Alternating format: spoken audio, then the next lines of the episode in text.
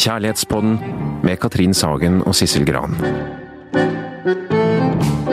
Ja, her sitter Katrin og jeg i studio igjen, og det vi skal gjøre her, det er å utforske det store temaet kjærlighet. Hva er kjærlighetens bestanddeler? Når blir noe kjærlighet? Hvordan varer kjærlighet? Hvorfor knuses den, og hva kan man gjøre for å få den til å vare? Og en rekke andre spørsmål. Vi skal egentlig by på alt du trenger å vite om kjærlighet. Ja, det skal vi.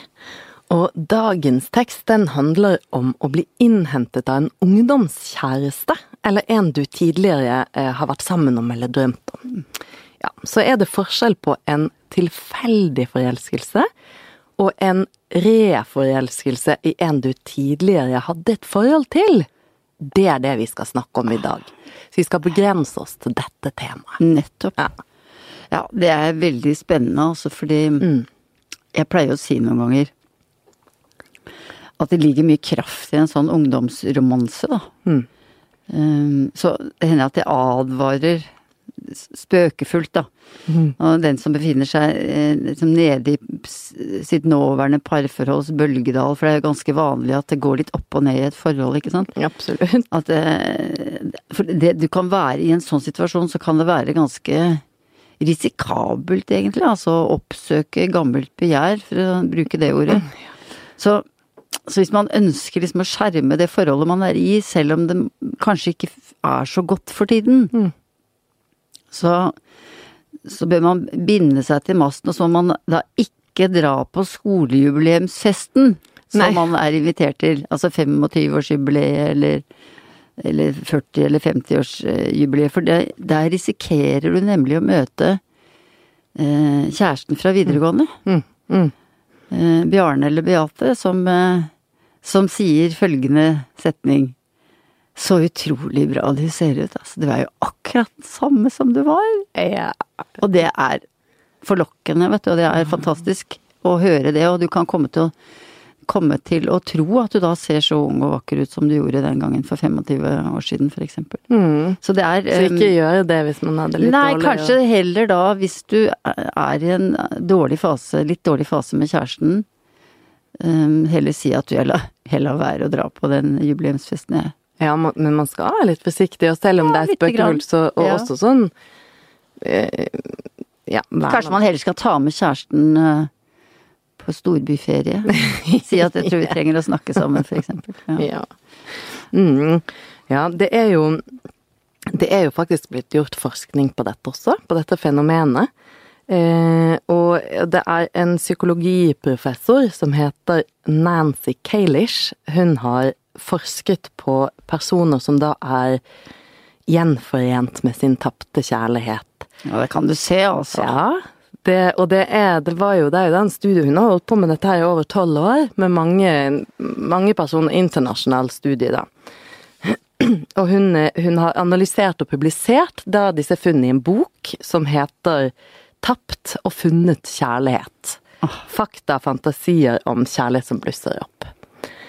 Ja, og um, vi kan jo se litt på hva hun, hva hun skriver og hva hun fant i denne studien. Um, og hun, det, det hun eh, skriver da, er at eh, dette å finne, finne hverandre igjen etter mange års adskillelse er vanlig i alle aldersgrupper. Men den store gruppen er på en måte rundt 40, eh, eh, litt over 40, ja 35 til 50 hvis jeg har forstått rett. Men det skjer jo også eh, helt opp til sånn 80 og Ja, for det har vi jo hørt om. Ja, Altså de absolutt. som 80-åringene som eh, treffer igjen gamlekjæresten etter at de er blitt enke og enkemann og sånn. Ja, Mm. ja, nettopp. Eh, så eh, eh, majoriteten av denne gruppen da, som treffer, eller som, hvor kjærligheten blusser opp, over halvparten forenes med noen som de var sammen med da de var 17 år eller yngre. Så det er snakk om den på en måte aller første kjærligheten. Det første kjærlighetsforholdet. Og det som viser seg er, for man kan jo tenke eller få en sånn liksom fordomsfull holdning til at det kommer ikke til å holde, eller de kjenner hverandre ikke når de møter, møter henne. så- Bare en romantisk Ja, idé, liksom. Ja. Mm. Men det viser seg at suksessraten for å holde sammen er 78% så høy. Jøss, det er jo helt Ja. utrolig, da. Og så er det den andre store gruppen i dette materialet. De møtte en kjæreste de hadde litt tidligere i voksen alder, sånn 18 til 22, så fremdeles tidlige forhold. Mm. Og her suksessraten for hele utvalget, hele studien, er på 72, så den er jo også høy, sånn uansett når, på en måte, eller hvor gammel man var da, men Ja, nettopp. ja.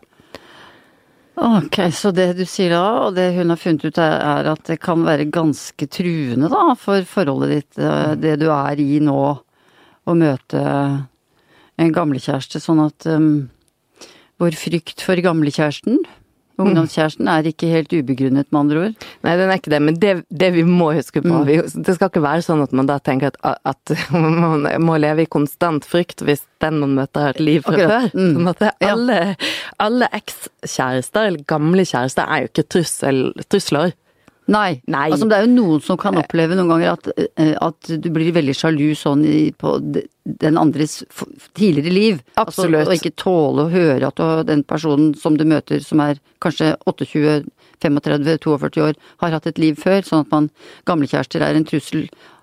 Veldig stor trussel, men alle har det jo ikke sånn. Mange tåler jo det ganske bra, men det er Og det er jo også noe som, som vi har snakket om tidligere i andre podkaster, at det er noe som er viktig å jobbe med. Men, og det vi snakker om i dag, er liksom at dette er et slags fenomen, dette Ja. med å møte gammel Mm. kjærlighet. Men det vil ikke si at uh, uh, altså noen ekser er jo alle sjeleglade for å være kvitt. Ja.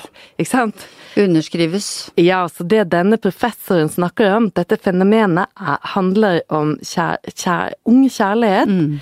eh, Og disse forholdene har gjerne vart over tid, gjerne over noen år, og det er ytre omstendigheter til det har blitt slutt. Mm, Ja, så de to unge, unge personene har gått fra hverandre, eller gått hver sin vei, fordi at hun skulle på folkehøyskole, kanskje, han skulle til USA et år, eller karrierevalg skilte dem, eller flytting, rett og slett, eller foreldre som ikke har eh, ønsket at de skulle være sammen, eller sånn. Det er ikke så emosjonelle årsaker til at, de har gått fra hverandre. Nei, så det var ikke sånn at forholdet ble slitt i stykker av forferdelig konflikt og sånne ting nødvendigvis. Nei, akkurat. Mm. Så det er ikke nødvendigvis det som skilte dem, altså mer at det kanskje var dårlig timing. Altså Mm. ikke en god klaff i tid og sted og prioriteringer, eksempel. At de var på ulike steder i livet da. Hadde ulike behov, kanskje. Mm. Men altså, når de treffes igjen, så oppstår, eller så gjenoppstår altså den gamle følelsen av fortrolighet eh, i begge, altså. Ja, det blir sett, Mm, ikke sant. Og hva ligner det på? For det det er jo den store søylen i kjærlighet, identitetsbekreftelse, ikke sant. Mm. Om vårt sterke behov for å bli sett og bli bekreftet og føle at vi hører til. Så det, det er riktig at man kan få en sterk opplevelse av tilknytning, identitetsbekreftelse, når vi treffer en vi elsket en gang i livet. Men altså, det betyr, tenker jeg, at hvis man allerede Altså hvis man har det vondt da i det forholdet man er i, eh, det parforholdet eller ekteskapet eller samboerskapet man er i, så betyr det kanskje at man er ekstra utsatt hvis den gamle flammen dukker opp, altså. Ja, men en, nå kommer det en litt dårlig nyhet eh, Nei, til. det orker jeg ikke mer. Ok, få høre. Fordi at eh, selv om det er et godt forhold eller ekteskap, så kan du begynne å tvile på om du er på riktig sted. Fordi at denne dr. Kalish's studie viser at halvparten av de som gjenforentes med en gammel kjærlighet, de oppga at de var i et lykkelig ekteskap. At de aldri hadde vært utro noen gang før. Og at de følte seg fullstendig dratt mellom ekteskapet på ene siden og den tapte kjærligheten på den andre, og at bruddet som da kom, ikke skyldtes statusen i ekteskapet, men at det handlet om dette å elske to forskjellige personer på ulike stadier i livet, og at disse stadiene plutselig kolliderer. Krise, altså. Og så er vi heldige, Katrin, for vi har fått en sponsor, faktisk. Ja, det har vi. La oss høre på den.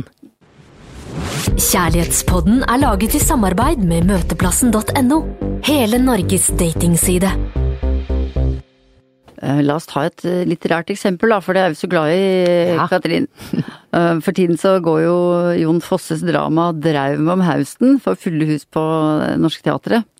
Og det er jo et ganske spennende stykke. Altså på ett nivå så handler det teaterstykket om altså de store ting, om menneskers livsudugelighet og mangel på mening og dødslengsel og forgjengelighet og eksistensiell ensomhet. Virkelig tungt stoff. Men altså, på et mer hverdagslig nivå så handler det om Hausten om, om et parforhold som ryker. Rett og slett. Om det å svikte og forlate. For den unge mannen uten navn i dette stykket, treffer igjen ungdomskjæresten, faktisk, på kirkegården, og det hele virker ganske skjebnebestemt. Vi skal høre litt på et utdrag fra stykket, og det er Ola G. Furuseth som leser. Skal jeg si deg noe? Da jeg sto og så på gravstøtta der borte, før du kom, den det sto et eller annet med von Obstfelder på, da tenkte jeg på deg. Det er helt merkelig. Jeg sto der og sakna deg. Vi har ikke sett hverandre på lang, lang tid, og så treffes vi her, i mørkehausten på en kyrkjegard. Og det er nett etter at jeg har stått og tenkt på deg, sakna deg. Ofte, om kvelden, når jeg ligger i senga mi, på sofaen, kan jeg merke at du er der. Det er ikke klokt. Framleis er det slik. Ikke så ofte, kanskje, nå lenger, men av og til. Du ligger liksom inntil meg, og jeg heller rundt deg. Det er sant. Jeg har ofte lurt på om du òg kan merke at du liksom ligger inntil meg, mener jeg. Du kan det, Ja. men det er nok bare kjensler. Noe vi innbiller oss. Hvis vi, du og jeg, slo oss sammen, så ville alt slikt forsvinne. Alt ville bli strev og kav, og etter noen år vil vi ikke være sammen mer. Vi kommer bare til å skilje lag likevel, vi som alle andre. Det er slik det er. Ja, her hører vi jo tydelig at denne lengselen har ligget der og slumret i i alle år. Men Sissel, er dette en mann som har det bra i forholdet sitt, eller har han det dårlig? Ja, det var det. Eh, For han gråter jo når hun eh, treffer ham på kirkegården. Altså hun ser at han gråter, og at han virker trist. Så det kan jo tyde på, selvfølgelig det, at han ikke har det bra. At noe kjennes feil i livet hans. eh, Og det vi får vite, det er at han ble far veldig tidlig, 19 år. Og Han fikk voksent ansvar da han bare var en gutt. Men noe særlig mer får vi ikke vite om hans situasjon. Mm, han befinner finner seg kanskje da i dette vi kaller for en førforelsket tilstand, han da. eh, Hvor han er lengten etter noe annet, er klar for, for endring og er litt sånn mør og utsatt og, og sårbar. Ja, jeg tror det altså at det er det som gjelder for han. Uh, og som uh, jo gjelder for mange som, som uh, treffer igjen en annen, eller som forelsker seg. Mm. Eh, og så lever vi alle på lånt tid. Altså det um, Ikke noe varer evig, og, og den erkjennelsen der er jo alle tings bakteppe, egentlig. Og ikke minst i dette teaterstykket, da. Mm, når du sier låntid, da mener du dette at livet kan føles ekstremt eller uendelig kort, at vi må bruke sjansen til å leve så lenge vi har mulighet? Ja, nettopp. Ja. Og døden, da. Den truende døden er jo veldig til stede i Jon Fosses stykke, og følelsen av forgjengelighet kan få mennesker til å lengte etter et liv til. Det ser vi også ofte skjer når vi snakker med mennesker på, som kommer til oss i terapi. Altså at de er veldig på De lengter etter et liv til, altså etter en ny kjærlighet. Mennesker som lever i ulykkelige eller kjedelige parforhold, de, de sier ofte 'jeg føler at en del av meg er død', og 'jeg er blitt et menneske jeg ikke lenger kjenner igjen', og så er det jo sånn da at ny kjærlighet kan slå denne skremmende fornemmelsen av død tilbake og fungere som en slags motgift, da, rett og slett for å si det sånn. Ja, det er litt, det er litt Fosse, det er litt stilig. Han spisser jo på en måte dette forgjengelighetstemaet ved å legge hele handlingen til en kirkegård i mørket og på høsten. Det er, eh, Ja. det er veldig evig, heavy, egentlig, ja. Ja, så gammel kjærlighet kan det fungere som en veldig sterk motgift, da, nærmest å gjenopplive ungdommen. Og han møter jo ungdomskjæresten på kirkegården, den personifiserte motgift, og hun drar i den unge mannen. Skal vi høre litt til? Mm. Vi må jo være sammen. Vi har jo visst det begge lenge. Tida kan ikke bare gå. Åra kan ikke bare gå. Vi har jo sakna hverandre lenge, men ingen av oss har våga si det. Det har vært for farlig, kanskje. og vi har kjent det på samme måte. Ofte har jeg òg kjent det slik. At du liksom har lege inntil meg, eller jeg inntil deg. Sjøl om du ikke var der, har du vært der. Jeg har kjent deg. Jeg har visst at du var der. Ja. Det er jo slik det er.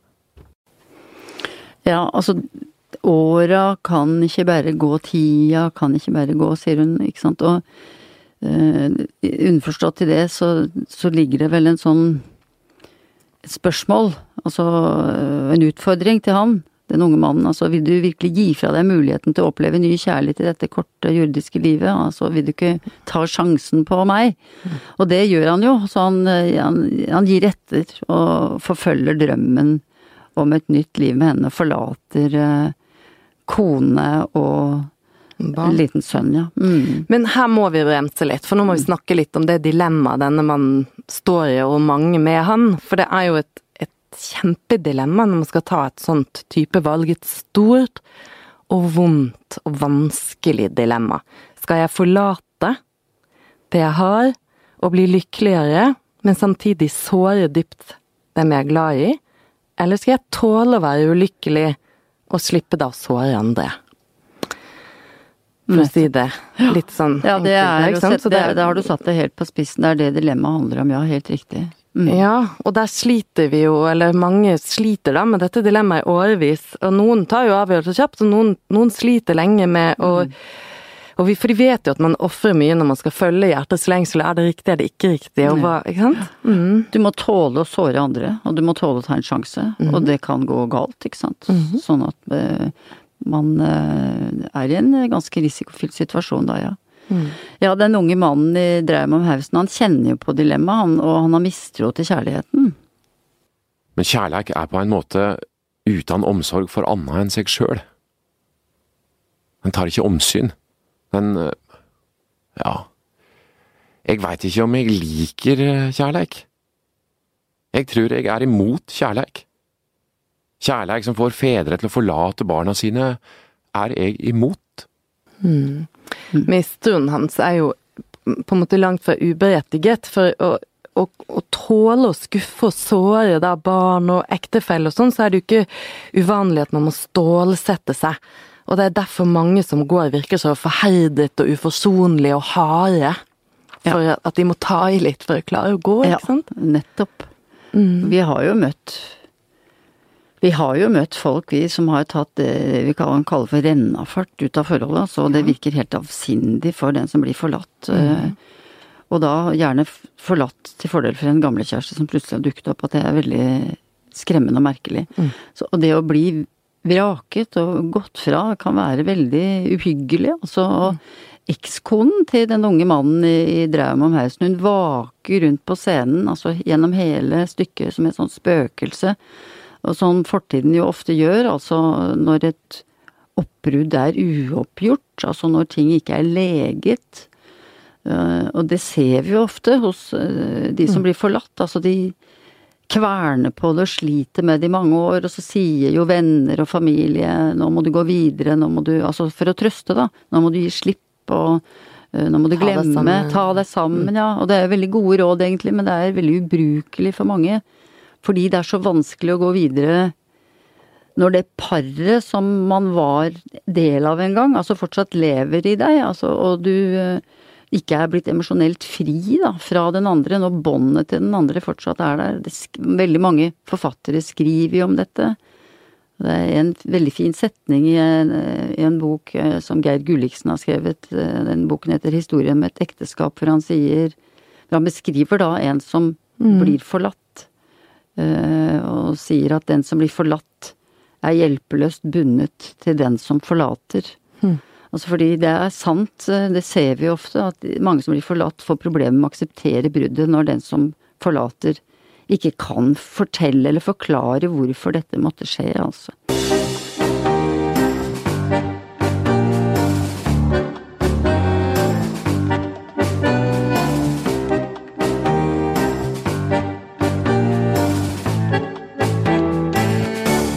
La oss snakke litt mer om dette med å gå eller bli, eller det, dette dilemmaet, denne vanskelige avgjørelsen her. For det Altså, for, for mange som går, så kan jo straffen være en sånn opplevelse av å, å, å, å være i en limbotilstand og aldri kunne være helt til stede, verken i det nye eller i det gamle Mm. livet. For man har den opplevelsen av aldri strekke til noen steder. Eh, må alltid pines med en sånn murren og dårlig samvittighet. Ja, at det blir galt uansett hva du gjør, ja. Ja, Men det er også mange som lever i en sånn limbotilstand, altså eh, en sånn verken-eller-tilstand, fordi de ikke velger, fordi de ikke klarer å velge. Altså de venter på et mirakel, eller de, eller de venter på at den de vurderer å forlate, skal ta valget for dem. Det, Mm, Det ser vi jo flere ganger, at det er vanskelig. Ikke sant? At man da i, denne, i redsel for å ta feil valg, eller for å såre, eller for, for så, så blir de levende, eller blir de på en måte denne slepende, strevsomme, vanskelige kjæresten, hvor man, utvi- hvor man på en måte blir en veldig dårlig kjæreste, og, og håper at den andre skal si jeg orker ikke å være Ja. sammen med deg mer, dette her er jo ikke liv laga, vi kan jo ikke drive og være sammen, vi to. Vi kan jo skjønne det. Altså vi kan skjønne at det er vanskelig å velge, at man blir værende i en sånn ventemodus kanskje over år, vet du. Eh, og hvor man blir den dårligste utgaven av seg selv i forholdet, som du sier. Altså, for vi, vi har jo sett mange ganger at de som, de som eh, ikke klarer å ta dette valget, de er fryktelig redde for å såre og for å skade den partneren de vurderer å gå fra. Og så er de også redde for eh, eh, hva skal vi si altså, Bli straffet, Ja, bli straffet, eh, altså. av sinnet, vreden Ja. som vil komme ved Ja. brudd. Det er det. Ikke sant? Som, som, eh, som gjør at det er vanskelig å ta beslutningen, eller tørre å si det, eller stå rank i det, eller Mhm. skam og mange følelser som kommer til overflaten. Riktig. Og frykten for å såre barna veldig. Hva skal skje med dem, og vil dette bli brukt mot meg på en sånn måte at det går utover barna, mitt forhold til barna og sånne ting. Det er også et sånt Og vi ser jo at det skjer noen ganger. Ja, Så vi skjønner jo uh, at, uh, at de holder på med den seigpiningen, men er det hensynsfullt egentlig? For det er jo det mange sier at eh, etter Jeg gjør det for å ta hensyn, ja, ja. og det er viktig at partneren min kommer i fatt med denne, at det blir en felles prosess på en Mm, måte. Men erfaringen vår er vel nettopp det motsatte, at det kan føles som et ytterligere svik for den som på en måte ikke ønsker bruddet. At ikke bare skal du forlate meg, men du skal også legge ansvaret på meg for å eh, for bruddet. For å si at det Ja. er slutt, ja. Ja, riktig. Mm, vi, får jo, vi får jo spørsmål mange ganger eh, om nettopp dette her. Hva skal jeg gjøre når man står i sånne kompliserte valgsituasjoner? For, nettopp fordi at det er så vanskelig. Og vi kan jo ikke svare så veldig godt på det, eller vi kan jo ikke bestemme hva skal du gjøre, men noe vi gjør er jo å prøve å fasilitere nettopp det der å velge. Mm. Og prøve å stå i det, og prøve å kjenne etter hva er det jeg driver med her, sånn at begge får, om ikke Altså, begge får jo ikke en valgmulighet når én vil gå og den andre vil bli, men det er noe med at, at litt sånn ærligheten eh, kommer inn. For det, det, det vi syns er lett, er jo at hvis det er alvorlig vold eller kronisk utroskap i, i forhold eller sånn, så så vil vi jo på en måte oppfordre til at forholdet skal ta slutt, ikke sant. Mm. Da råder vi menneskene til å finne en vei ut. Men eh, de fleste er jo imidlertid nødt til å finne svaret selv. Ja. Det er det, altså. Det er nok frustrerende for mange at sånne som oss ikke gir et klart og tydelig svar på hva de skal gjøre. Fordi vi vet jo at det, det er råd som ofte ikke fungerer, som ikke vil bli fulgt. Fordi hva skal vi si, den beslutningen om å gå eller bli, den øh, Det er en lang og seig prosess å finne frem til den, og med mye tvil og kval. Vi kan hjelpe til underveis, men vi kan ikke si hva folk skal gjøre, selv om folk gjerne vil at vi skal si hva, hva de skal gjøre. Så vi må egentlig bare si at det kan vi ikke, vi kan hjelpe deg underveis. eh, til å bli sånn at det blir klarere for deg og for partneren din. Men eh, til syvende og sist er det du som må ta det vanskelige, den vanskelige avgjørelsen. Eh, og dette handler jo om nedbygging av hengivenhet. Altså dette er jo det vi kaller en sånn avelskingsprosess, hvor man gradvis elsker sin partner mindre, og fordi, ofte, og fordi man har møtt en annen som man kjenner at man elsker mer, eller kanskje like mye, eller er i ferd med å begynne å elske like mye. Men, men det er jo mange som opplever at eh, parterapeuter, psykologer, hele tiden vil oppfordre til å holde sammen, og at det er en sånn slags saying at vi alltid vil at man skal holde sammen med det man allerede har. Og hva tenker du om det? Ja, det Altså, du tenker sikkert masse om det, selvfølgelig, om men, det, men det er- er det virkelig sånn at alle bør holde sammen? Det er jo ikke det. Altså, det er jo ikke det at vi Det må vi jo si at vi anbefaler jo ikke noen å leve i et forhold hvor de føler at de lider en langsom død, øh, og føler at de ikke verken blir sett eller tatt vare på eller holdt. Um, så vi, vi kan jo Vi er jo ikke imot samlivsbrudd, vi. Vi er ikke for at du, at du skal liksom holde deg til den du er sammen med på hvite knokers prinsipp.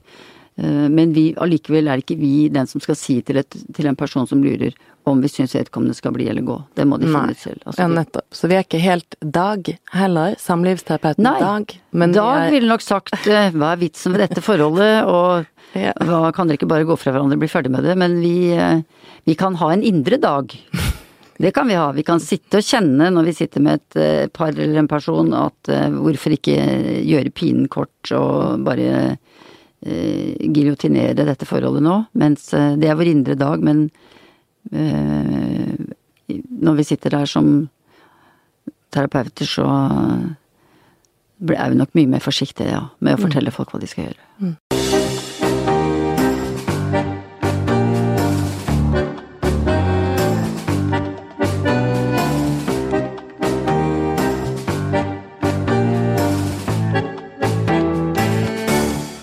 Vi skal gå litt tilbake til dette såre og vanskelige ved å stå i et dilemma hvor man er i noe som kanskje er ganske bra, men har møtt en gammel flamme som man også kjenner at man elsker, og man vet rett og slett ikke hva man skal gjøre. For vi har fått et innspill fra en kvinne som nettopp har møtt sin ekskjæreste igjen. Og hun er gift og har barn, men nå står hun altså midt oppi dette dilemmaet. Skal hun bli, eller skal hun gå? Og hun har formulert sitt eget dilemma i form av en diskusjon med seg selv med denne overskriften. Når sjelen krever det, en samtale meg imellom. Du har mistet deg selv, og du vet når det skjedde, sier du. Her er et tilbud til deg. Du kan få lov til å begynne på nytt. Du kan dra tilbake og rette opp feilene du begikk. Begynne på nytt igjen. Vil du det? Ja, svarer du. Det vil koste en del. Du må gi fra deg ditt eget fotfeste i livet. Du har selv ansvaret for å finne et nytt. Alt jeg tilbyr, er en mulighet og et håp. Vil du fortsatt? Ja, jeg tror det, svarer du. Det vil smerte. Du risikerer å miste enda mer av deg selv på veien. Du øver vondt på dem du er glad i. Du kan ta feil, og den andre kan svikte. Vil du dette? Ja, men jeg må vite mer først, svarer du. Dette er alt du kan få vite. Du får ikke noe bedre tilbud. Du får kjenne etter hva du vil nå. Livet kan ikke vente på deg mer. Snu, eller aksepter. Vil du dra hjem? Nei, sjelen krever det, sier du, mens du merker at fotfestet glipper. Du er i fritt fall. Bestem deg for å lykkes, sier jeg. Ja, det er vondt. Mm. Vondt og vanskelig. Du er i fritt fall, bestem deg for å lykkes, sier jeg, avslutter hun med. Mm. Eh, og hvis vi skal gå tilbake til det vi åpnet med i, i dagens episode, så ser vi på denne forskningen at sjansen for å lykkes hvis du møter en ekskjæreste som du blir skilt fra på en litt sånn ytre, med ytre årsaker, sjansen for å lykkes hvis du skal komme sammen med denne, er høy. Mm. At det kan gå bra. At det kan gå bra, rett og slett. For det hun sier her, det er jo jeg tar sjansen på å gå. Jeg tar sjansen på uh, Men jeg er redd. min. Men jeg er redd. Ja. Og jeg er redd for Mm. hvordan det skal gå med Mm. de som blir igjen. Mm. Og det er en berettiget frykt. Men det vi jo vet, eh, som annen forskning viser, det er jo at um, også de som blir forlatt, um, har et bedre liv i vente. Mm. Uh, over 90% av de som, uh, som blir forlatt og som ikke har ønsket bruddet, får et bedre eller minst like bra liv som Mm. det de hadde. Uh, Enten alene eller med en ny partner. Ja, nettopp. Og det er jo noe vi kan snakke om i en annen episode òg, hvordan få til et brudd. For når man først kommer da ut av dilemmaet og inn i en avgjørelse, hva gjør man da? Hvordan gjør man det? Mm. Hvordan tar man best vare på barna? Hvordan tar man vare på det parforholdet som er over? Mm. Hvordan tar man vare på det nye? Store spørsmål. Mm, så det skal vi avslutte med i dag. Så følg oss gjerne på Instagram eller Facebook, og der heter vi Kjærlighetspodden. Eh, abonner på iTunes, og skriv gjerne en kommentar, da blir vi glad. Det gjør vi.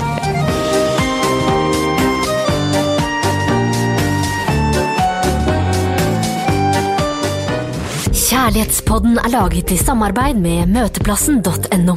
Trygg og seriøs dating på nett.